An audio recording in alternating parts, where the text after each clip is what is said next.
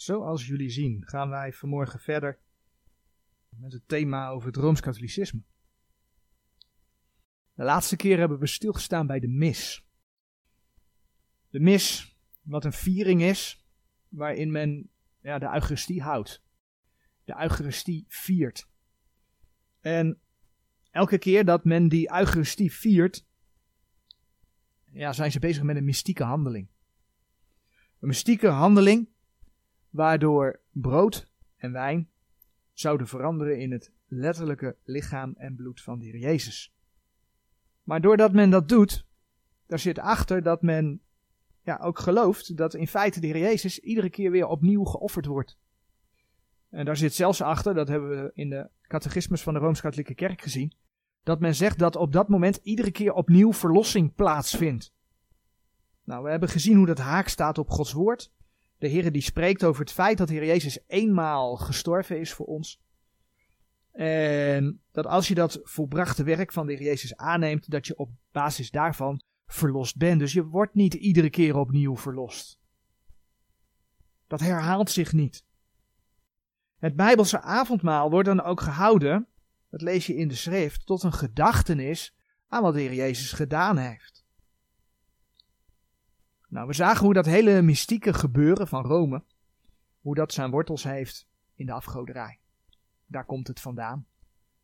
Dus afgoderij met een christelijk sausje, om het maar zo te zeggen. Nou, de Eucharistie wordt door Rome gezien als een van de zeven sacramenten. En daar willen we vandaag dan bij stilstaan. En ik noem dat een van de zeven sacramenten, alsof er zeven sacramenten zouden zijn. Er zijn helemaal geen sacramenten. Maar Rome leert dat er sacramenten zijn en ze hebben er zeven.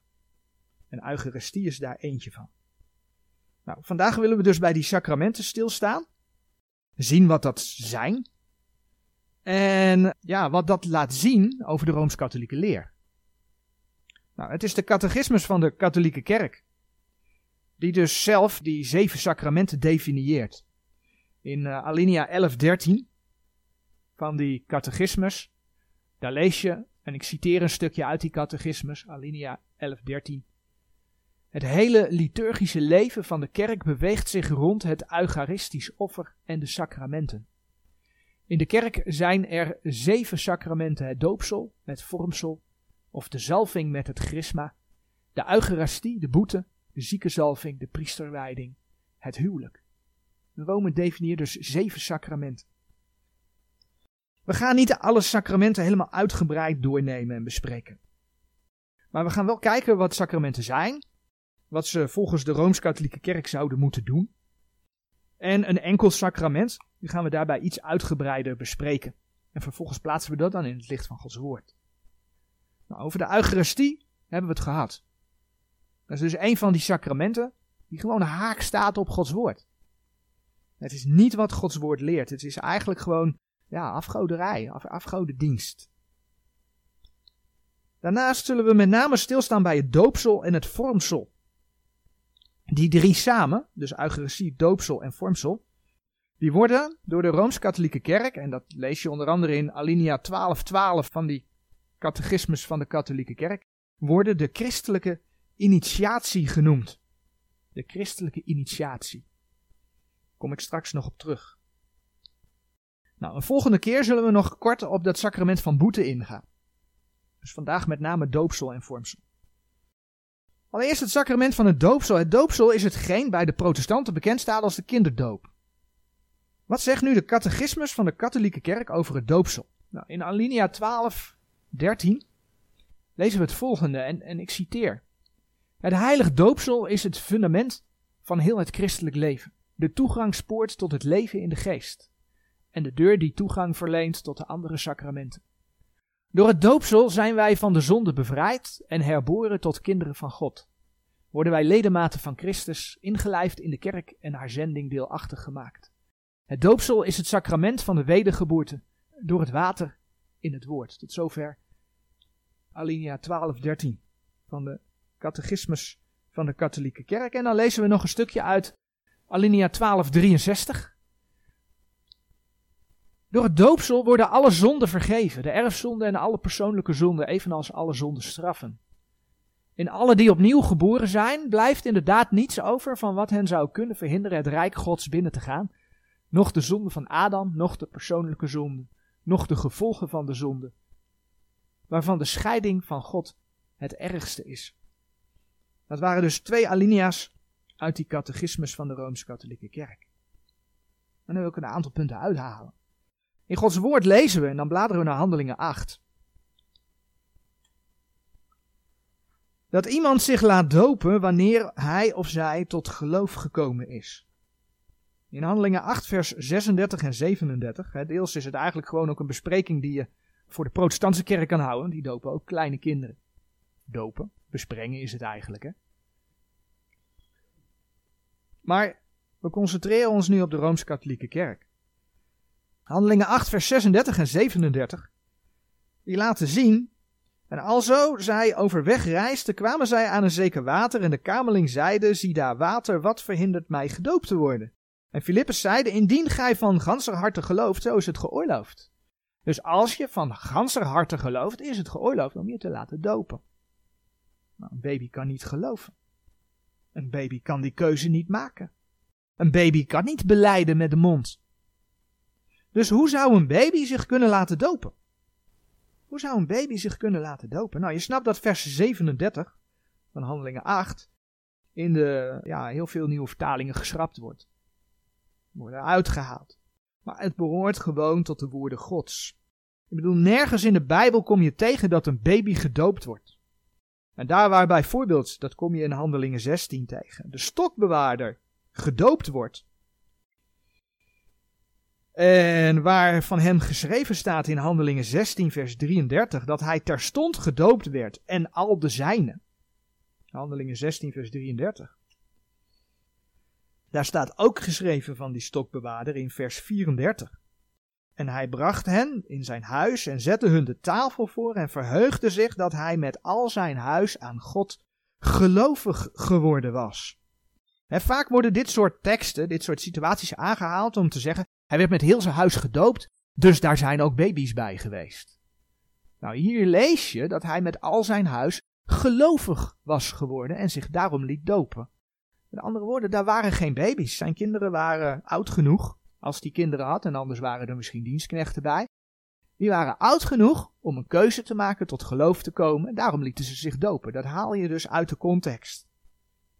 Vervolgens wordt aan het doopsel toegekend, want dat hebben we in die alinea's gelezen, dat het de zonde zou vergeven. Nou, dan zoeken we 1 Petrus 3 vers 21 op. 1 Petrus 3 vers 21 waarvan het tegenbeeld de doop ons nu ook behoudt, niet die een aflegging is van vuiligheid des lichaams, maar die een vraag is een goede conscientie tot God door de opstanding van Jezus Christus. De doop is een beeld van hetgeen je behoudt. Wat je behoudt is je geestelijke doop door de Heilige Geesten die je bij de wedergeboorte ondergaat. De doop is daar een beeld van en die doop is niet een aflegging van de vuiligheid des lichaams. Door de doop worden je geen zonde vergeven. De doop is een beeld, de doop is een getuigenis. Dat is de doop. De doop is niets meer en minder. Wat vergeeft jou je zonde?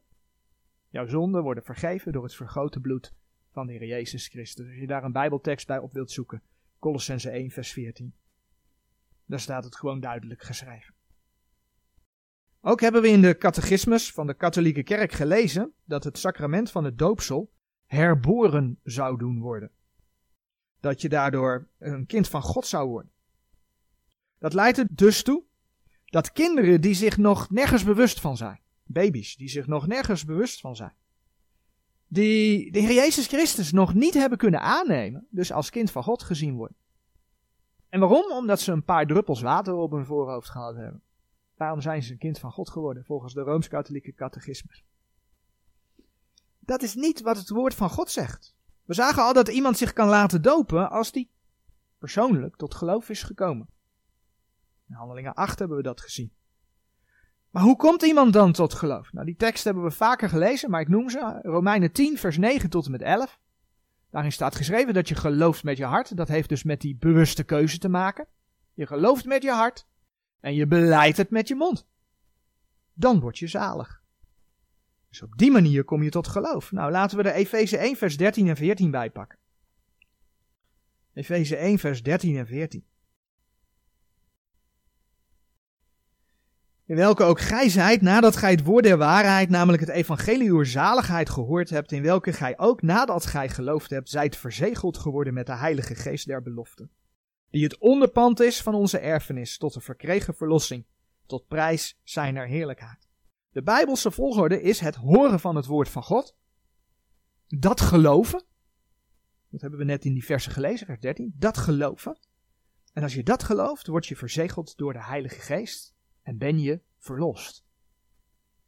Dat zegt de Heer.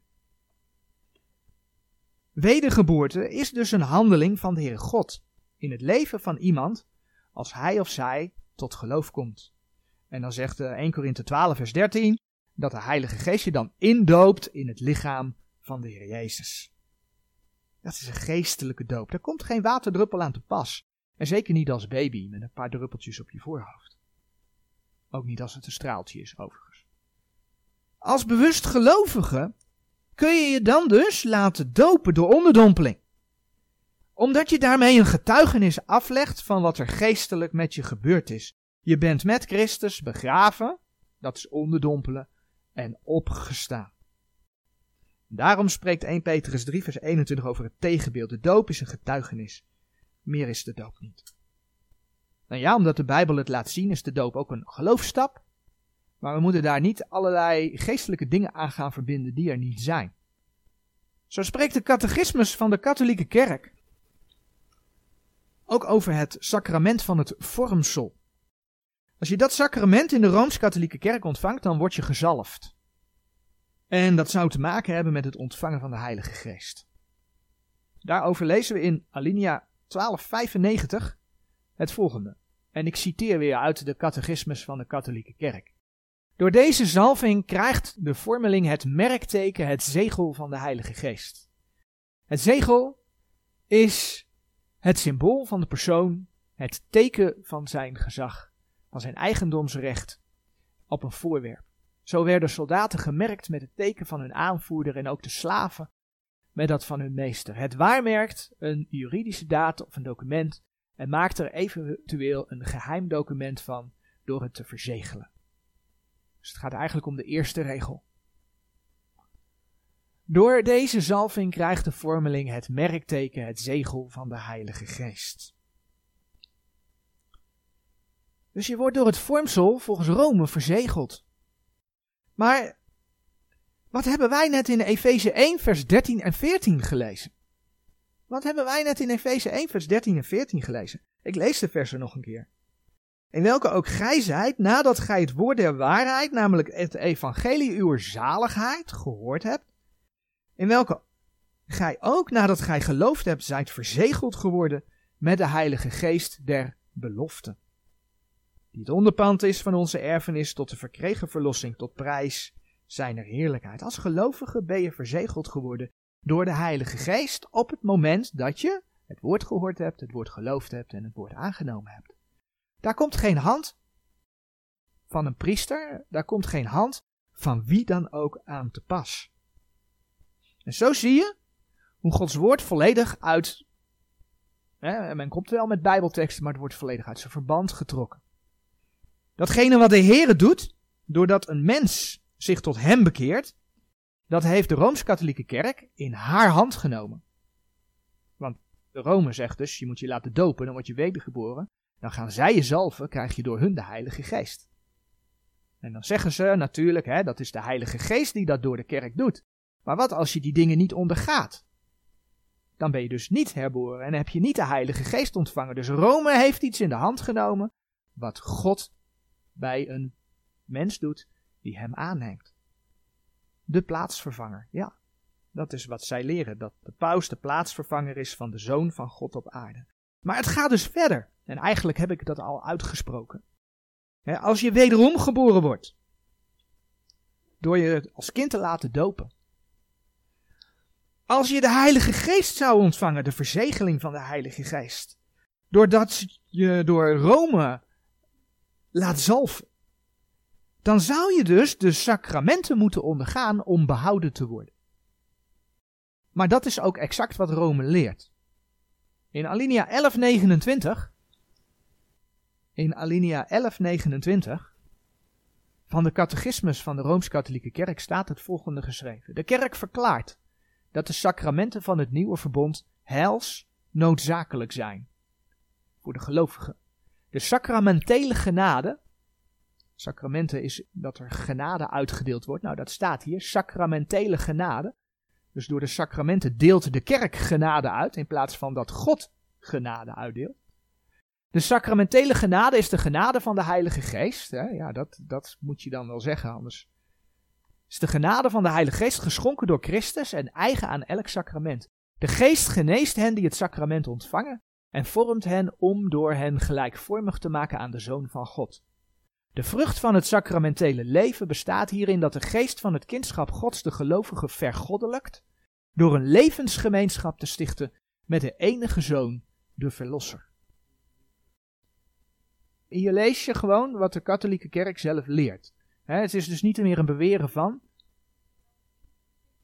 Maar wat is daardoor het geloof geworden? Het geloof is een systeem van sacramenten, een systeem van werken geworden. Je moet iets doen. Je moet iets ondergaan. Om erbij te horen. Vandaar ook, ik heb het in het begin benadrukt, dat Rome zegt dat het een initiatie is. Net als bij diverse andere, daar komt hij. Occulte genootschappen, daar moet je ook een initiatie ondergaan. Ja, Rome leert een initiatie. Een initiatie is uh, een bendes in Amerika en misschien hier in Nederland ook wel, want in Nederland hebben we tegenwoordig ook bendes, maar daar ken ik het dan van. Dan moet je een initiatie ondergaan. Dan doe je proeven en als je die goed doorstaat, dan hoor je erbij. Dan word je, wat studentenverenigingen kennen, ontgroening. Je moet daar doorheen en als je daar doorheen gaat, dan hoor je erbij. Nou, deze handelingen in de kerk, daar moet je doorheen. En dan hoor je erbij.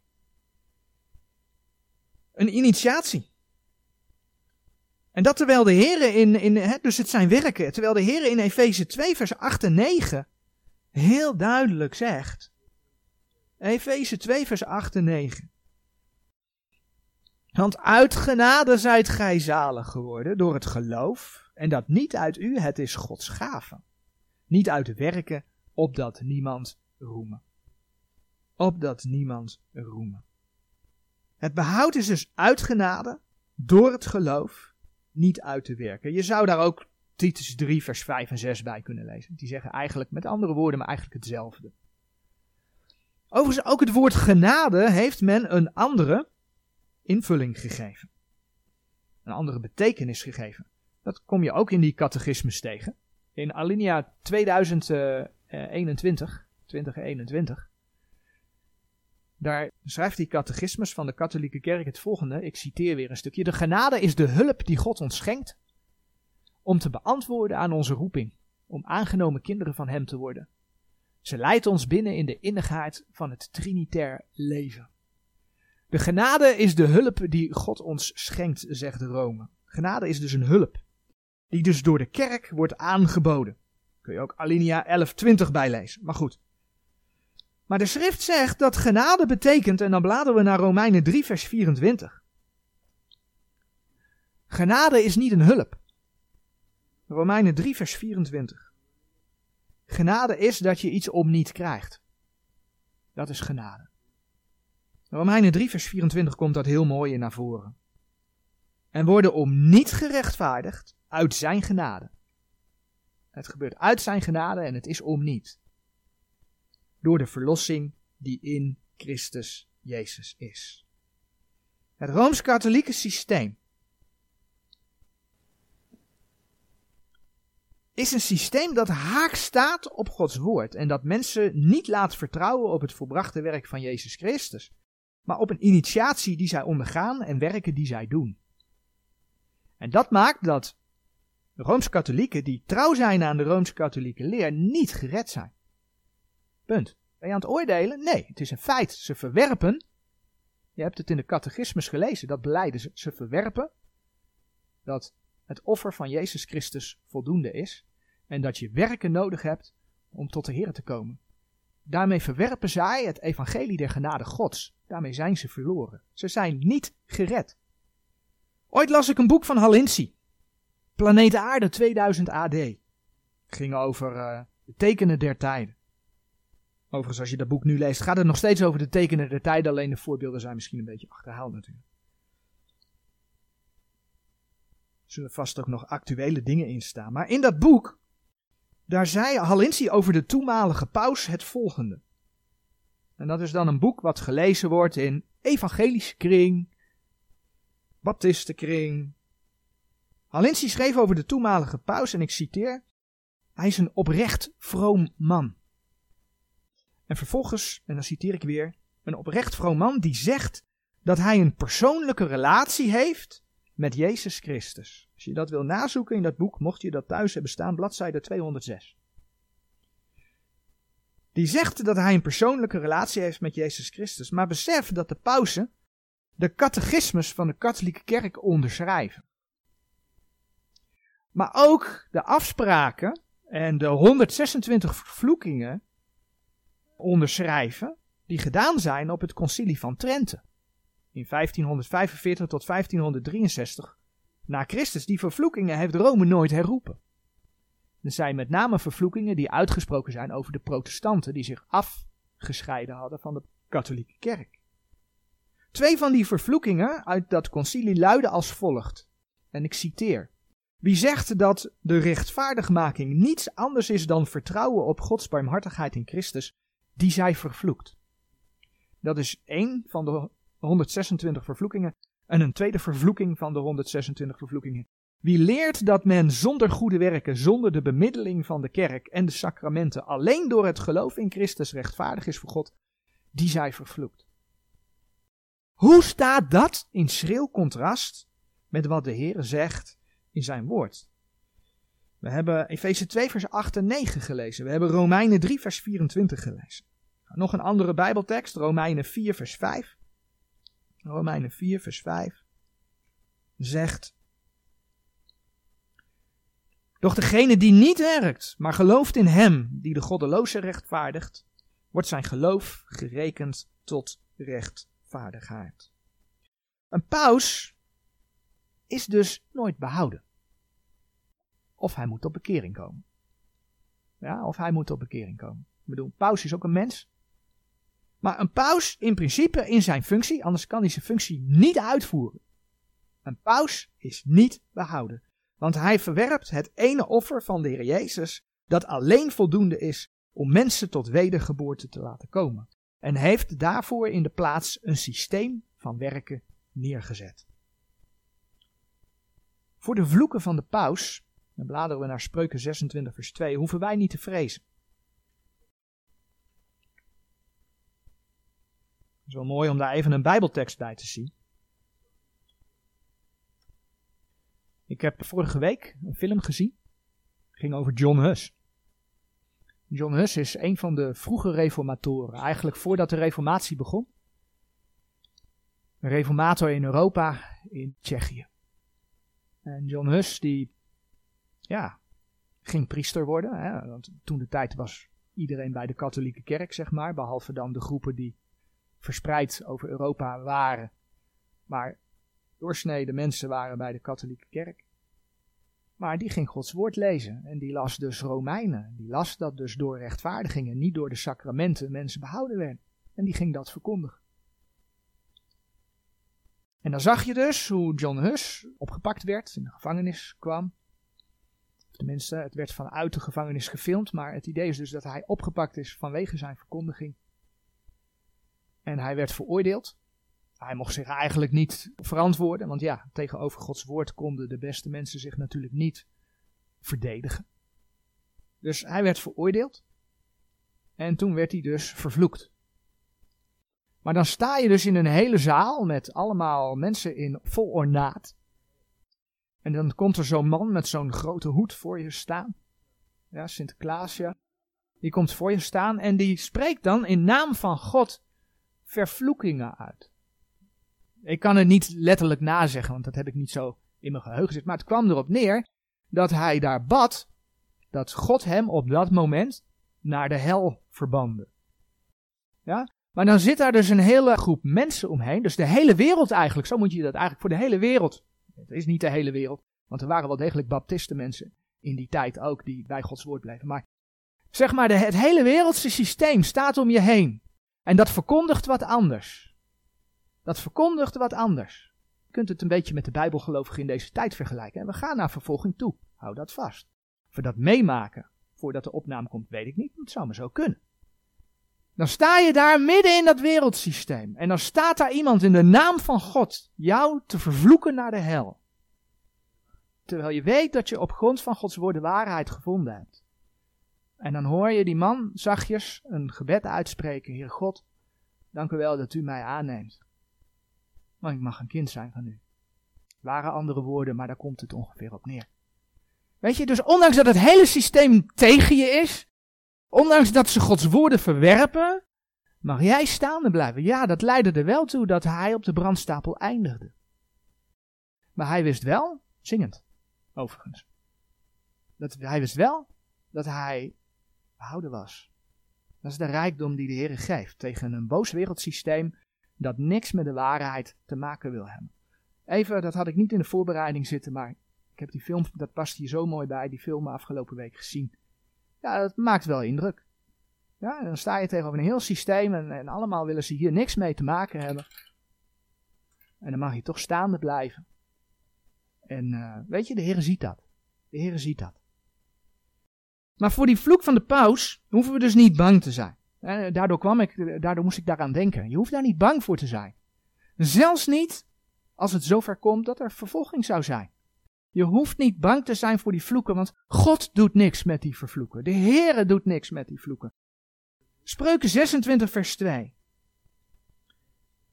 Gelijk een mus is tot wegzweven, gelijk een zwaluw tot vervliegen. Alzo zal een vloek die zonder oorzaak is, niet komen.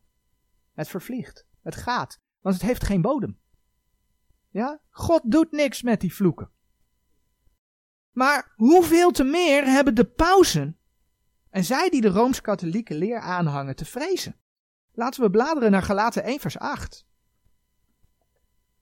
Galaten 1 vers 8.